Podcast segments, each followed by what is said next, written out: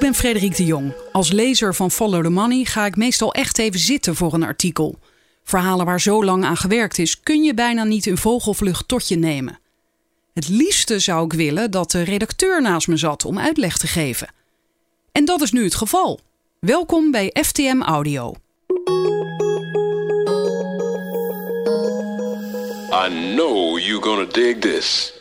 Thomas Bolle, je artikel staat online. Waar gaat het over? Het gaat over een onderzoek dat aan de basis uh, lag van de afschaffing van de dividendbelasting. Het plan om dividendbelasting af te ja, schaffen. Ja, de regering uh, wilde dividendbelasting afschaffen. En daar is eigenlijk uh, niet zo'n goede onderbouwing voor. Um, maar er zijn via WOP-verzoeken zijn er documenten naar boven gekomen, memo's. En daarin wordt een één wetenschappelijk onderzoek genoemd. En dat onderzoek dat, uh, dat kwam me heel bekend voor. Want daar hebben wij vorig jaar een aantal artikelen over geschreven. En dat onderzoek blijkt in het geheim gefinancierd te zijn door een aantal grote bedrijven, waaronder uh, Shell en Unilever. Ik ga het lezen en dan kom ik zo bij je terug. En inderdaad, in de titel staat het al. Door Shell gefinancierd onderzoek stond aan de basis van afschaffing dividendbelasting. In het geheim door Shell gefinancierd onderzoek van de Erasmus Universiteit diende als fundament voor de afschaffing van de dividendbelasting. Andere wetenschappers bekritiseren de methodologie van het onderzoek en wijzen op het risico van vooringenomenheid. Normaal gesproken worden er dikke rapporten geschreven voorafgaand aan een ingrijpende belastingherziening. In dit geval ontbreken die en daarmee ook inzicht in de gemaakte keuzes. Dat zei hoogleraar belastingrecht Jan van der Streek op 24 april tegen Nieuwsuur over het kabinetsbesluit om de dividendbelasting af te schaffen. Van der Streek diende daarom een WOP-verzoek in om de memo's achter het besluit openbaar te krijgen. Memo's waarvan de bestuurders van ons land het bestaan ontkenden. Premier Mark Rutte zei alleen het VVD-partijstuk te kennen en wist niets van memo's. De titel van het interne partijstuk luidde echter gewoon Memo, belastingontwijking en vestigingsklimaat. Ook VVD-minister Erik Wiebes, die het partijstuk schreef op basis van de andere memo, was even vergeten dat de bewuste stukken bestonden. Tijdens het Kamerdebat dat op 25 april over de kwestie plaatsvond, hadden oppositie en media vooral aandacht voor het collectieve geheugenverlies van de regering. Hierdoor bleef de inhoud van de hervonden documenten onbesproken. En dat is een gemiste kans. De memo's uit de kabinetsformatie werpen nieuw licht op de manier waarop multinationals de politiek bespelen. Uit het partijstuk van Rutte blijkt dat één specifiek onderzoek van de Erasmus Universiteit Rotterdam een belangrijke rol speelde in de wetenschappelijke legitimatie van het kabinetsbesluit.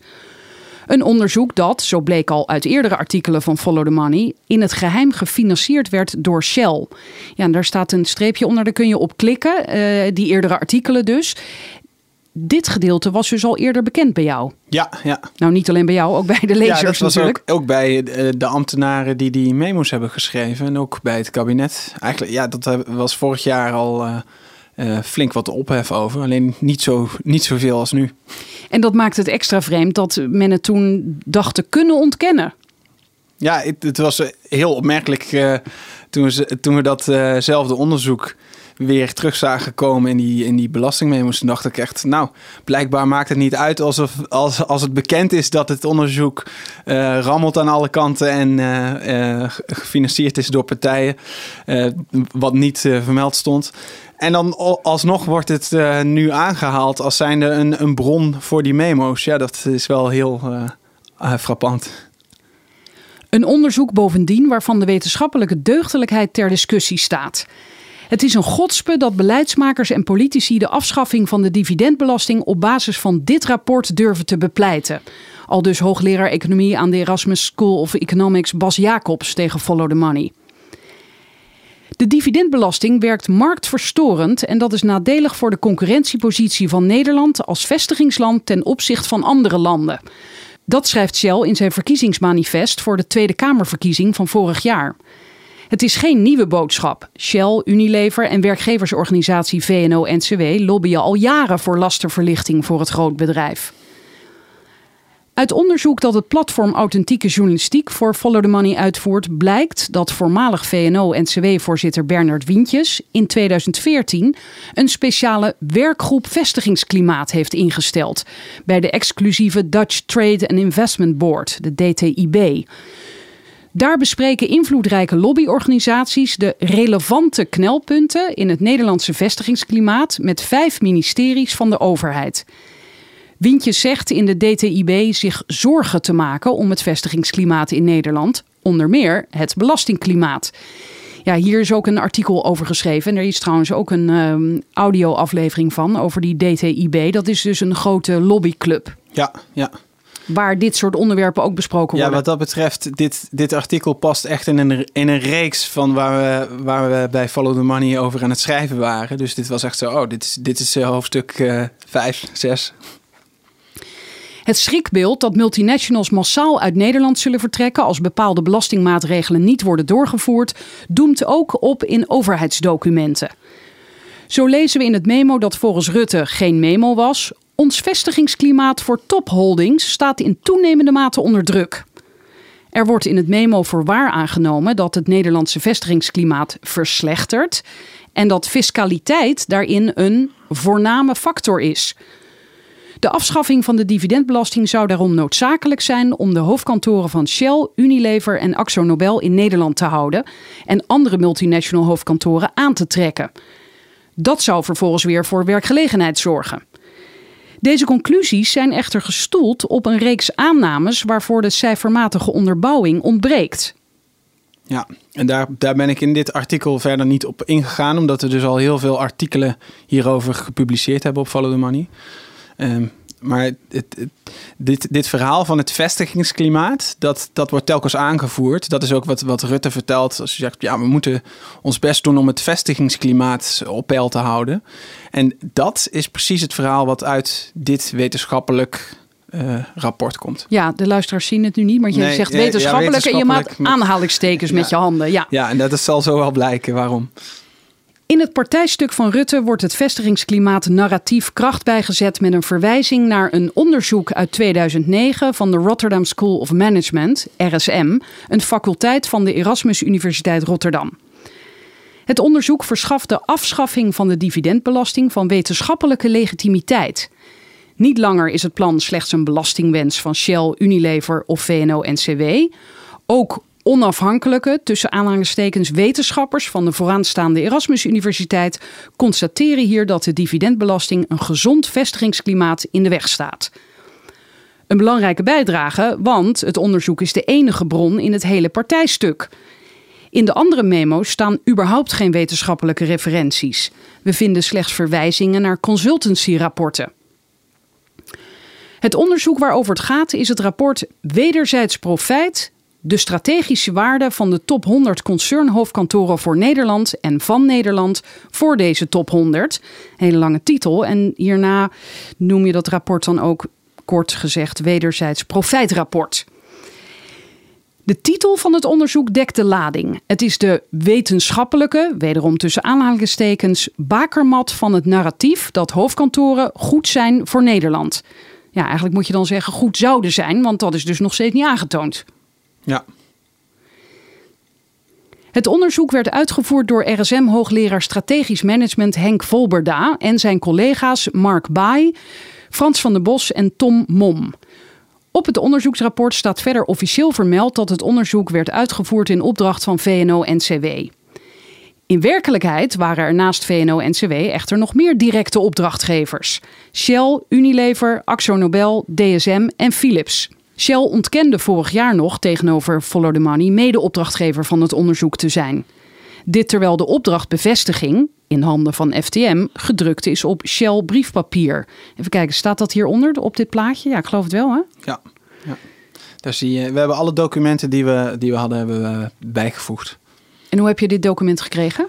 Dit document heeft de Rotterdam School of Management naar ons opgestuurd. Oké, dus dat is openbaar. Ja, dat hebben ze met ons toen gedeeld en dat hebben we vorig jaar al uh, openbaar gemaakt. Ja. Shell financierde ook het onderzoek. In drie etappes maakte het oliebedrijf ruim 300.000 euro over aan de RSM. Dat blijkt uit bonnetjes die naar boven kwamen uit het onderzoek dat Vatan Huzier, promovendus aan de Erasmus Universiteit en milieuactivist, met zijn duurzaamheidsdenktank Changerism uitvoerde naar de banden tussen de RSM en de fossiele industrie. Het niet bij naam vermelden van opdrachtgevers en externe financiers is in tegenspraak met de gedragscode wetenschapsbeoefening. Volberda, degene die het onderzoek uitvoerde, benadrukte vorig jaar tegenover FTM dat het wederzijds profijtrapport absoluut geen lobbyrapport voor lastenverlichting is. Toch is dat precies waarvoor het gebruikt wordt. Het wederzijds profijtrapport van Volberda vormt de wetenschappelijke bron voor het adviesrapport dat heet Met hoofdkantoren naar de top van het topteam hoofdkantoren. Volberda was in 2011-2012 zelf de enige afgevaardigde van de wetenschap in die adviesgroep. Het bekende vestigingsklimaatnarratief werd ook hier gebruikt om de omstreden research and development aftrek te verantwoorden.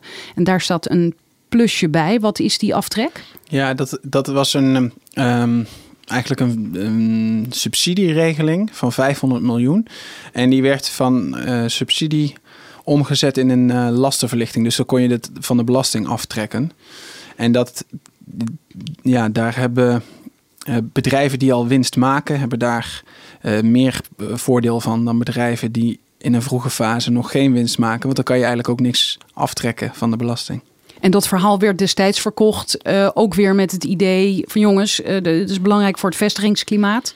Ja, dat, is, dat was opnieuw een. Um, het, is, het staat omschreven in, in ook uh, WOP-documenten die openbaar zijn geworden als de wens van Jeroen van der Veer, de oud-Shell-CEO, die weer in een ander topteam, het topteam energie, zat. En zo zie je dat eigenlijk dat um, dit rapport ook toen uh, eigenlijk uh, naar voren kwam als zijnde... kijk, eh, het vestigingsklimaat staat onder druk. We moeten het belastingklimaat in Nederland aantrekkelijker maken voor die bedrijven... zodat ze in Nederland blijven. En dat levert dan veel werkgelegenheid. Dus echt het, hetzelfde verhaal, alleen dan een andere belastingmaatregel. Ja, jij omschrijft het hier ook. Deze belastingregeling heeft als gevolg gehad dat een subsidie van 500 miljoen euro, bestemd voor innovatie en ondernemerschapssubsidies, werd omgezet in een lastenverlichting van 500 miljoen euro. Ambtenaren van het ministerie van Financiën schaarden deze maatregel voor invoering onder agressief fiscaal beleid.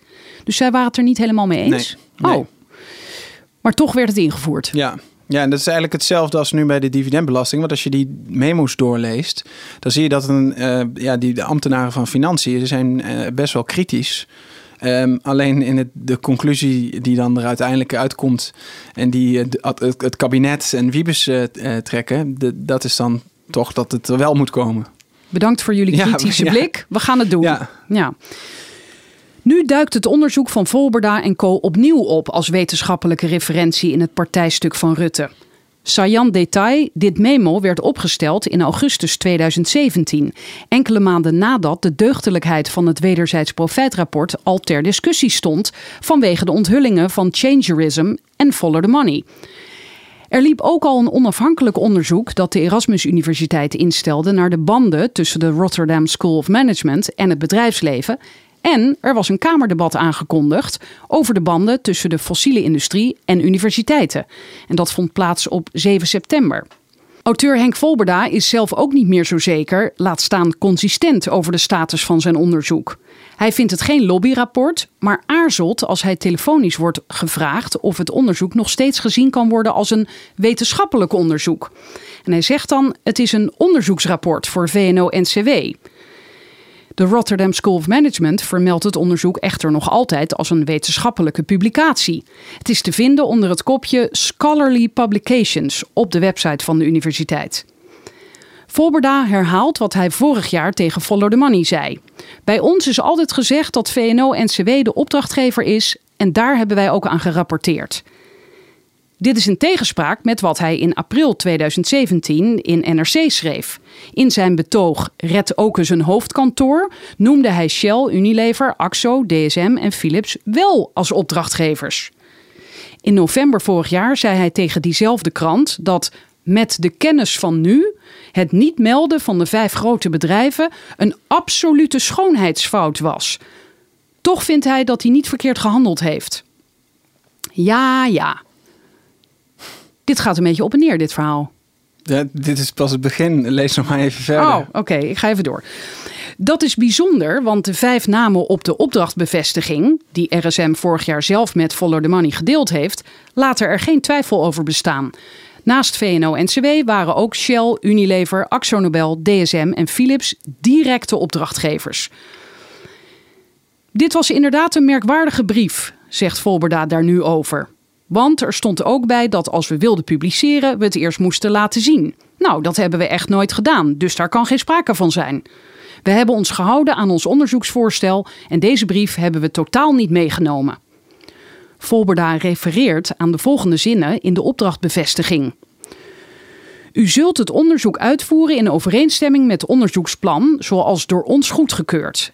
En ook staat daar: uiteraard verdient het aanbeveling om het recent verschenen onderzoeksrapport van de Boston Consulting Group in zaken hoofdkantorenbeleid in uw beschouwingen te betrekken. Die laatste aanbeveling gaat over een consultancyrapport van die Boston Consulting Group uit 2008 met de titel Hoofdkantoren, een hoofdzaak. Volberda zegt daarover: volledig onafhankelijk waren we, zijn we, zijn we altijd geweest. Op de onderzoekscriteria hebben die vijf geen enkele invloed gehad. Desalniettemin betrok hij het rapport van de Boston Consulting Group in zijn onderzoek. En daar zegt hij over: Als u dat rapport leest, dan zit er toch echt een significant verschil tussen onze inschattingen. Zij kwamen met veel hogere schattingen. Wij hebben het echt serieus benaderd. Of het BCG-rapport te negatief was over het vestigingsklimaat en de voordelen van hoofdkantoren voor Nederland overdreef, wil Volbedaan niet zeggen. Ik wil niet over anderen oordelen. Ook het BCG-rapport zal later meermaals opduiken in overheidsstukken. Het wordt genoemd in de adviezen van het topteam hoofdkantoren voor die aftrek waar je net over vertelde van 500 miljoen. En het is ook de bron voor een van de dividendbelastingmemo's van Wiebes, getiteld Economische belang van hoofdkantoren. Ja. Ja, en dat zie je dus dat ook, ook zo'n consultancy-rapport, dat wordt dus door de opdrachtgevers hier eigenlijk gewoon gezegd van, nou, betrek dat in je onderzoek. Want dat, was een eh, Shell en Unilever wel welgevallig uh, onderzoek. Daar stond ook in dat de hoofdkantoren heel belangrijk zijn voor Nederland. Dus uh, je ziet dat dat daar als input wordt meegegeven. Maar ook dat dat rapport zelf later telkens weer opduikt. En dus in 2012 met die RDA... Uh, de, de Research and Development aftrek. En nu staat hij ook weer in een van de memo's van Wiebus. Dus het is een heel klein... Uh, ja, hele magere basis. Ja, het is een hele magere basis. En het zijn dezelfde rapporten die, die telkens opnieuw uh, naar voren komen. Ik heb over, overigens ook uh, Boston Consultancy Group hierover gecontacteerd. En die zeggen ja, uh, dat was een onderzoek dat we uit, op eigen initiatief hebben gedaan. En daar waren geen externe partijen uh, bij betrokken als opdrachtgever. Oh, opmerkelijk. Ja, dat, dat, doen ze, dat deden ze in die tijd. De, dan de, pakten ze af en toe een onderwerp wat dan maatschappelijk uh, tegen discussie ja. staat. Dus het, het, stond tien jaar geleden, uh, stond, uh, ging deze discussie, die liep toen ook al. En um, ja, dit, het, het, is natuurlijk wel voor Boston Consultancy Groep een, een interessant onderwerp. Want voor hen is het natuurlijk ook wel voor de Nederlandse tak in ieder geval fijn als ze nog wel wat grote bedrijven in Nederland houden. Want dan kunnen ze wel hun, hun opdrachten blijven doen. Ja, Volberda zegt nu ineens dat de opdrachtbevestiging op Shell briefpapier die de RSM met Follow the Money deelde niet de meest recente was. Later ziet u dan een brief van VNO-NCW die stelt dat zij de opdrachtgever zijn en wij het met hen moeten afhandelen, zegt hij.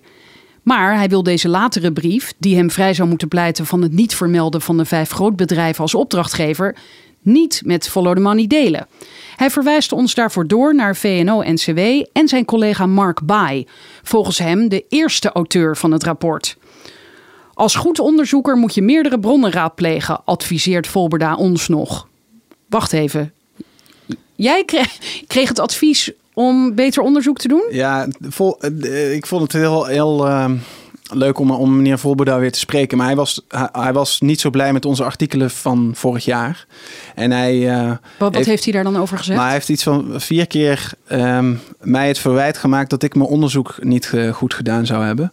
Um, en dat, dat heeft ook te maken met wat hij daar zegt, dat er nog een latere brief is geweest. Dus hij zegt, uh, die opdrachtbevestiging, die heb ik je gestuurd, want ik vond dat deze informatie wel belangrijk was. Maar er is daarna nog een andere brief gekomen en die daarin staat dat VNO-NCW de enige opdrachtgever is. Maar die ga ik je niet sturen. Maar die stuur ik je niet. Dus ik heb hem ook uitgelegd. Nou ja, zo werkt het natuurlijk niet. Kijk, als je, als je dat zegt, dat is prima. Maar dan moet je me ook de nieuwe brief sturen. Want ik ga niet. Ik heb een brief van jullie gekregen. En dan moet ik ervan uitgaan dat er een nieuwe brief is zonder dat ik die gezien heb. En het is. Ja, het werd een beetje een, eh, een vaag verhaal, moet ik uh, zeggen. En toen zei hij dus ook nog.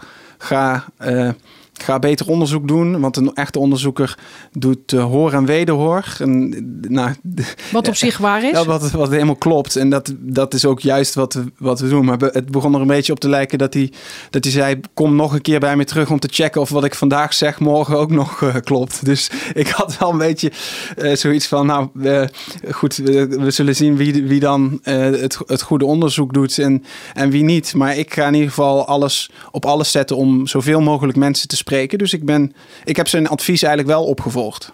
Oké. Okay. VNO-NCW wil echter geen informatie met Follow the Money delen, gezien de verjaringstermijnen.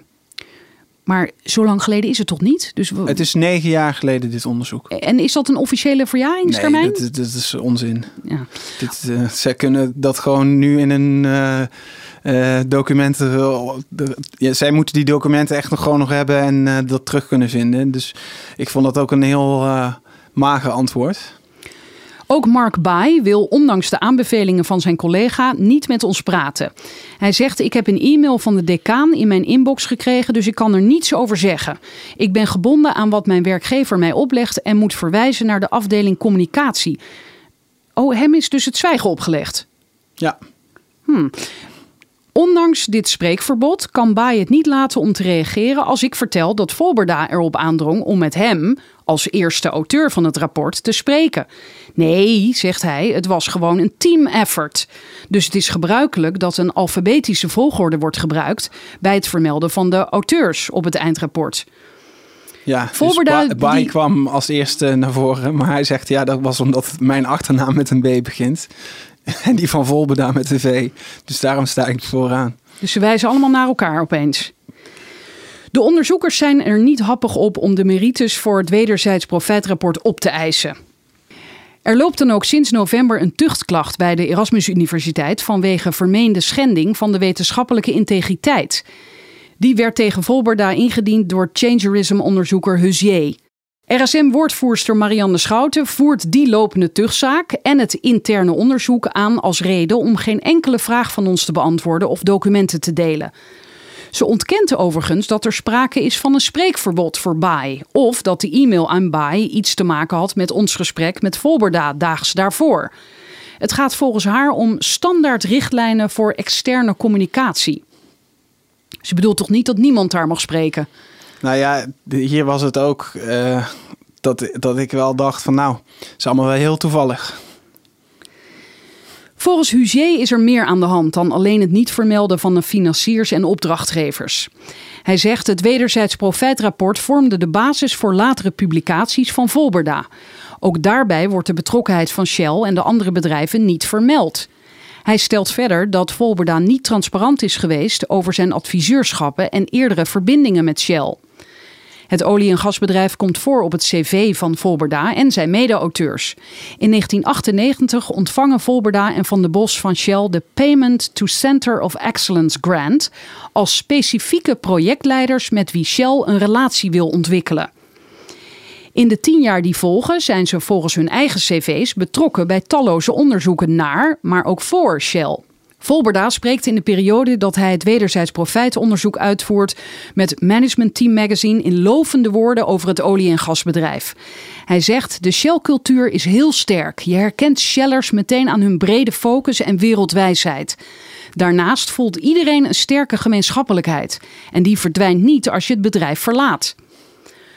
Volgens Hugier zijn de nauwe banden tussen Volberda en Shell slechts het topje van de ijsberg een verwijzing naar het plaatje op de voorkant van dat wederzijds profijtrapport van Volberda. Daarop zien we een ijsberg die het voor het grootste deel onder water zit.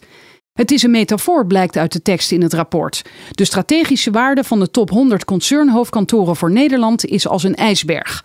Het direct zichtbare en te kwantificeren deel vormt slechts het topje. Huzier trekt de wetenschappelijke integriteit en de methodologie van het onderzoek in twijfel. Vorig jaar constateerde Follow the Money, samen met onze lezers, ook al dat het rapport vol staat met aannames die niet worden onderbouwd. We legden het rapport daarom voor aan enkele experts voor een second opinion. Bernard Veldkamp, hoogleraar onderzoeksmethodologie aan de Universiteit Twente, zegt over die ijsberg. Door de ijsbergmetafoor te gebruiken wordt gesuggereerd dat de niet zichtbare bijdrage vele malen groter is dan de zichtbare, terwijl dit kwalitatief nog kwantitatief wordt onderbouwd. Ook de kwalificatie als unieke bijdrage van de top 100 brengt een suggestie met zich mee die niet verder wordt onderbouwd. De woordkeuze is niet waardevrij. Maar hij zegt verder: een groot deel van het onderzoek lijkt netjes te zijn uitgevoerd. Toch kunnen er vraagtekens geplaatst worden bij de aanpak en de manier waarop het is gerapporteerd. Veldkamp benoemt een aantal methodologische missers, zoals het vergelijken van twee ongeëikte tienpuntschalen en het extrapoleren voor ontbrekende data.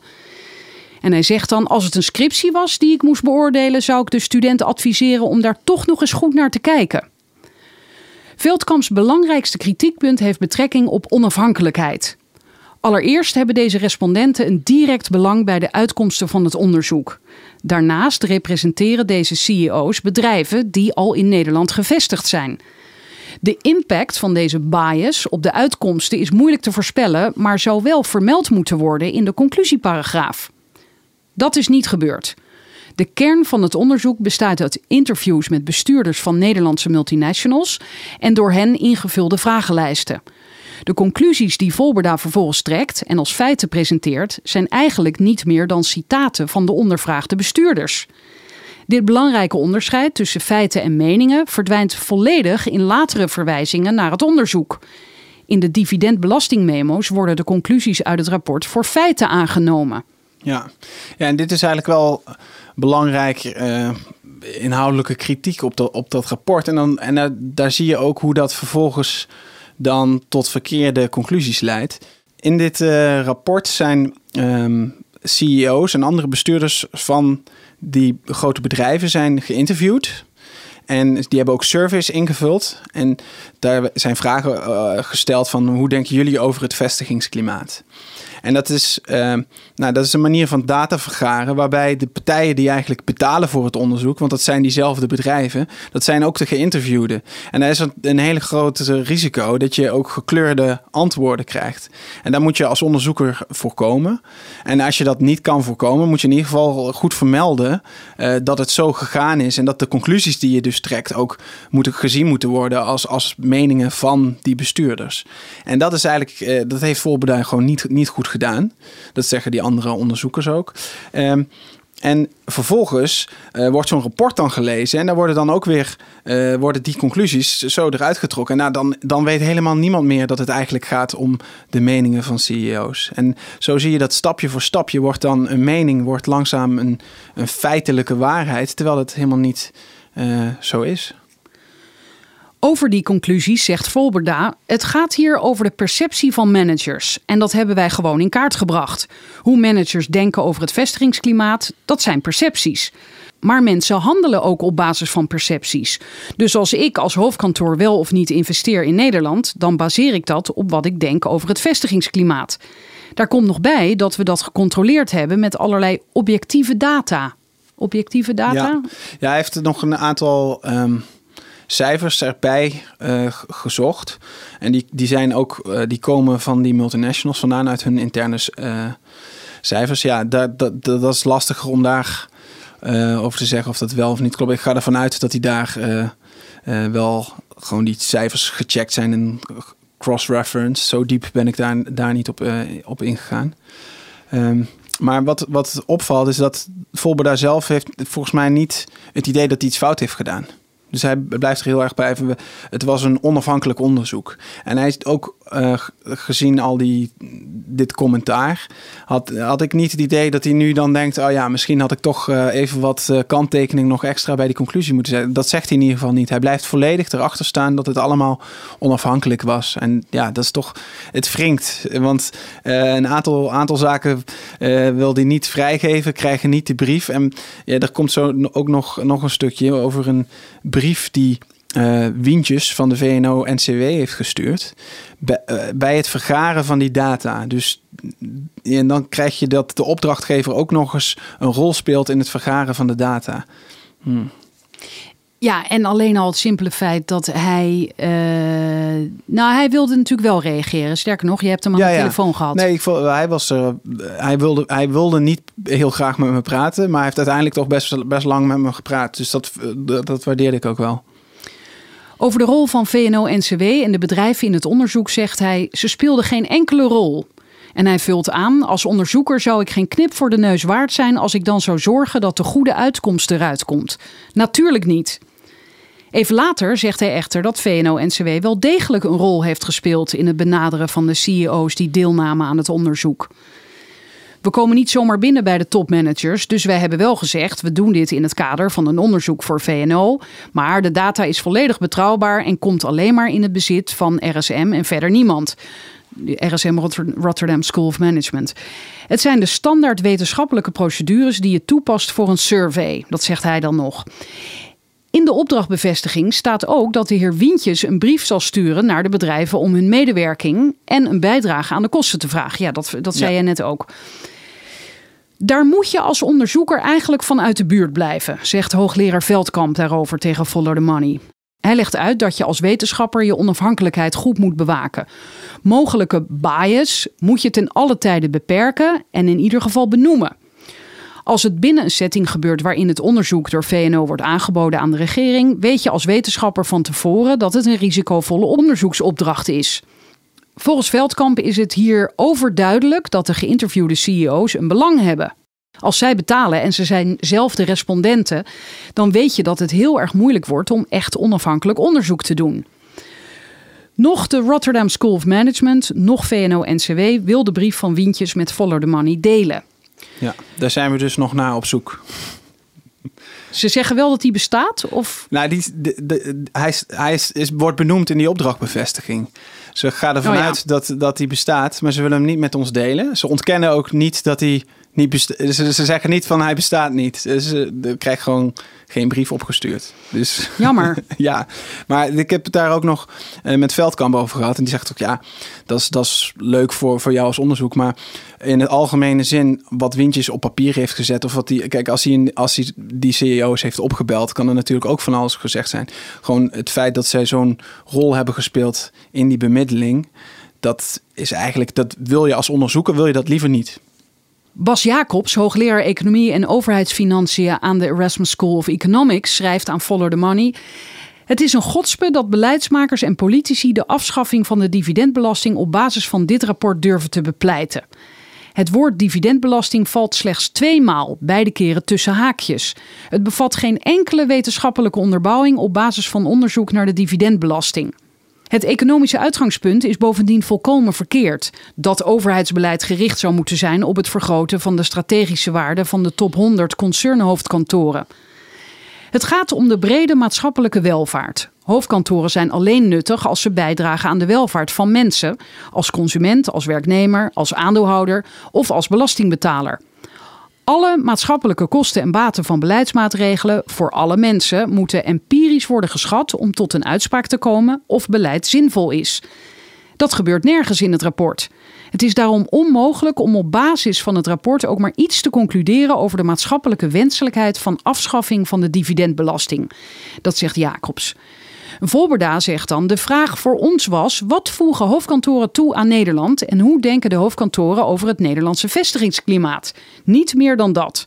Maar de politiek moet natuurlijk breder kijken dan alleen het belang van bedrijven. Ik mag aannemen dat ze dat ook doen. Volberda wil zich niet uitlaten over de vraag of het terecht is dat zijn rapport nu wordt aangehaald in politieke memo's om de afschaffing van de dividendbelasting te bepleiten.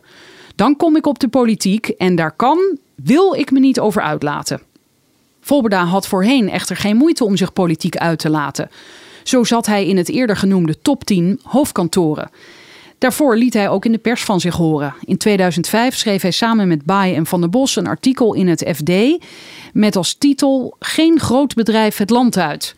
En in een interview met het AD uit 2009 schrijft hij dat we maatregelen moeten nemen om hoofdkantoren hier te houden. Het schrappen van de dividendbelasting helpt.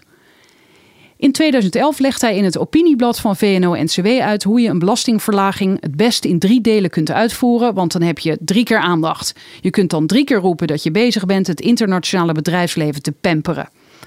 En in 2015 gaat Volberda in Buitenhof stevig in discussie met PvdA'er Paul Tang. Volberda ziet Nederland niet als belastingparadijs en bepleit het belang van fiscaliteit. Als we Volberda confronteren met het feit dat er in de opdrachtbevestiging staat dat er ook een aanbeveling aan de overheid uit het onderzoek moet komen, ontkent hij: nee hoor, dat staat niet in de opdrachtbevestiging.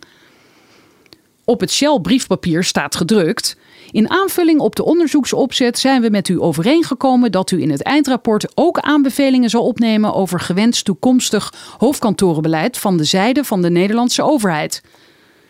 Ja. Ja, hoe kan hij dit dan ontkennen? Nou, hij, ik denk omdat hij deze opdrachtbevestiging uh, niet meer erkend als de opdrachtbevestiging. Want hij. Oh, dat is die oude brief. Hij, hij zegt hem. ja dat er ja, een ja. nieuwere brief is. Maar ja, dat is. Ik, ik- hij wil eh, dus die brief niet met ons delen. En bovendien is het heel. Kijk, als je dit al hebt ontvangen als opdrachtbevestiging. en je zegt dan. Oh ja, maar dit staat. eh, Wat hier staat, kunnen we natuurlijk niet zo verkopen. Dus je moet even een nieuwe brief sturen. Dan is het nog steeds. Eh, ja, heel discutabel hoe het gegaan is en wie wat heeft.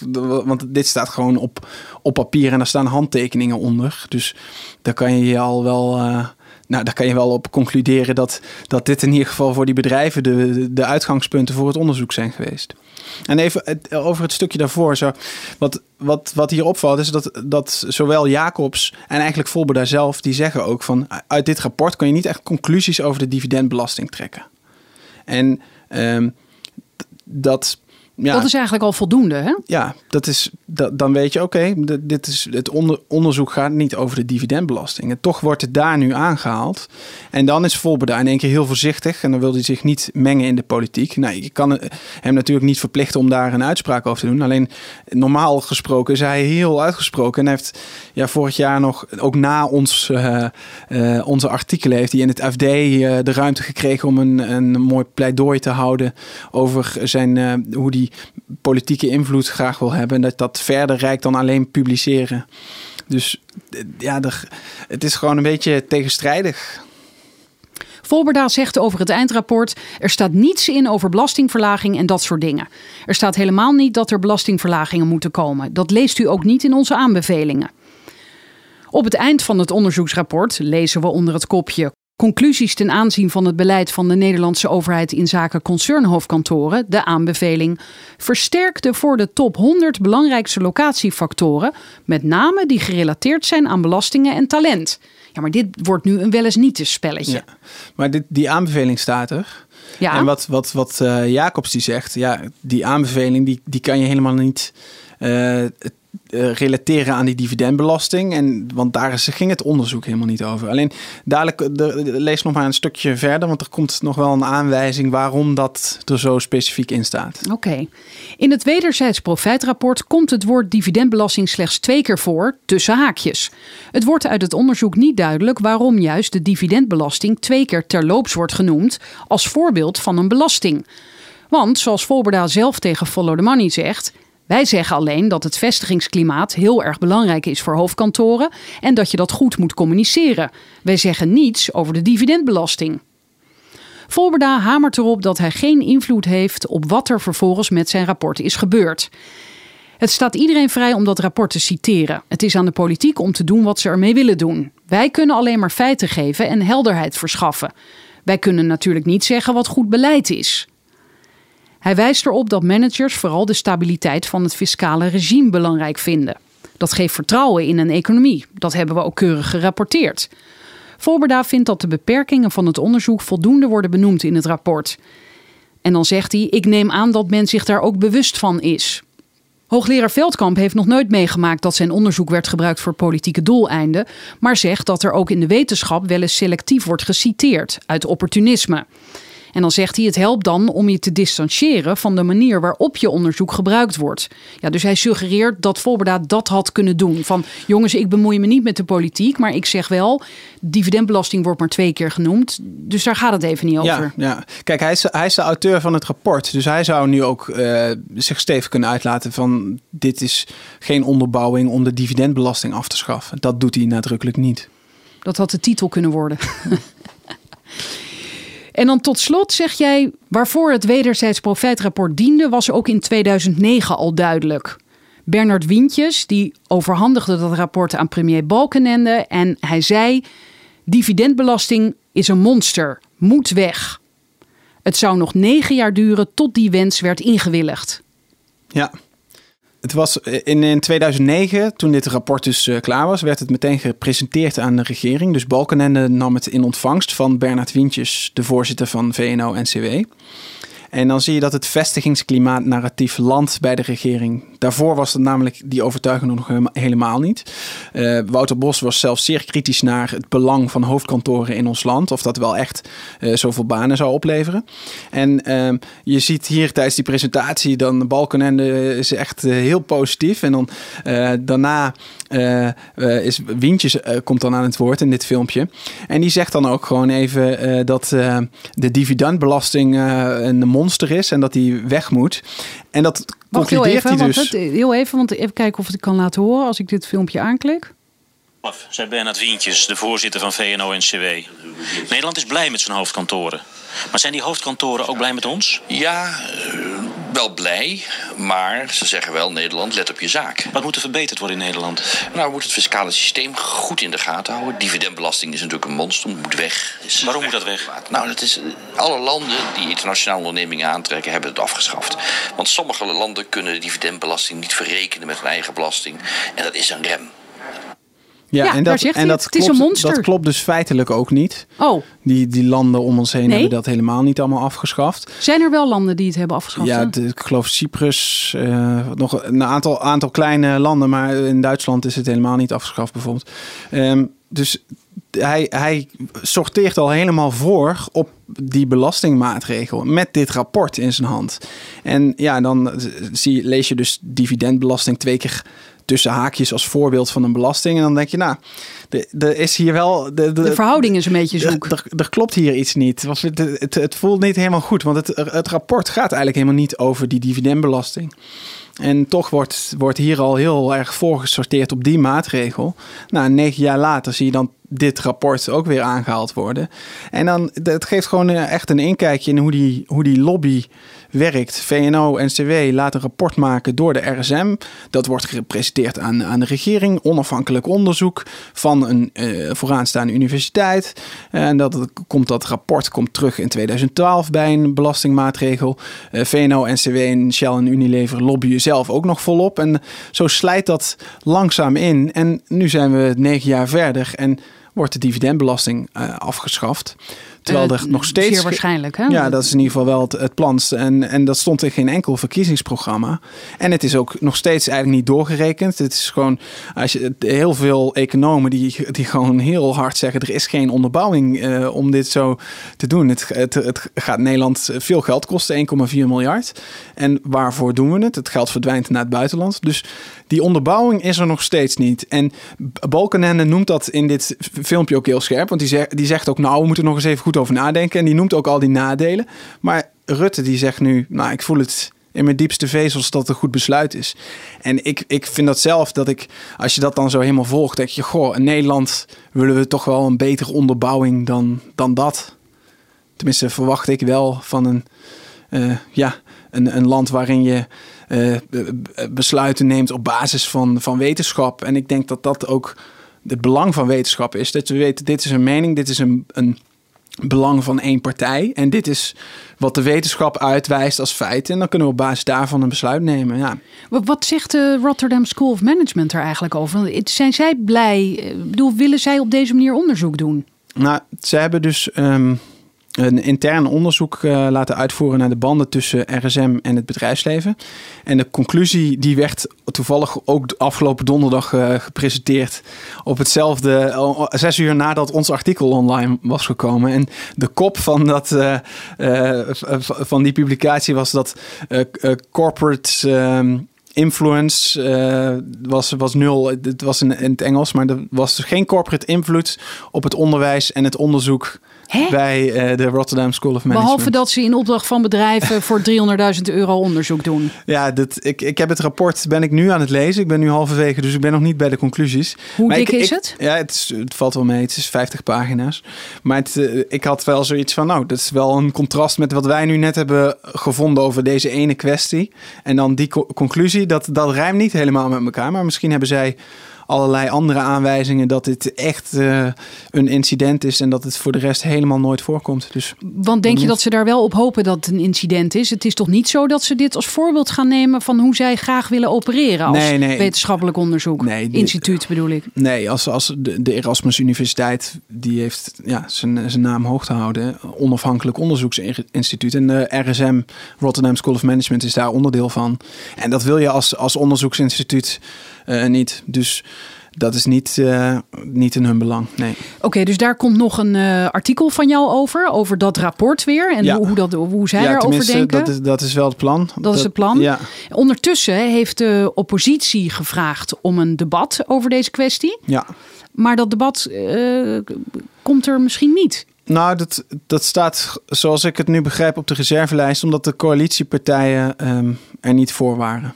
En daardoor had het geen meerderheid en dan wordt het tot na de zomer eh, bewaard. Dus het, het komt na, na de zomer pas. Maar, wilde, wilden de regeringspartijen hier helemaal niks van weten?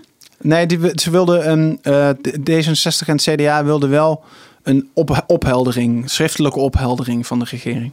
Van de regering? Ja, dus ze wilden wel horen van hey, hoe, hoe kan dit dat je dit, dit rapport nu hebt aangehaald, terwijl we dit al wisten dat het eh, ja, ter discussie staat.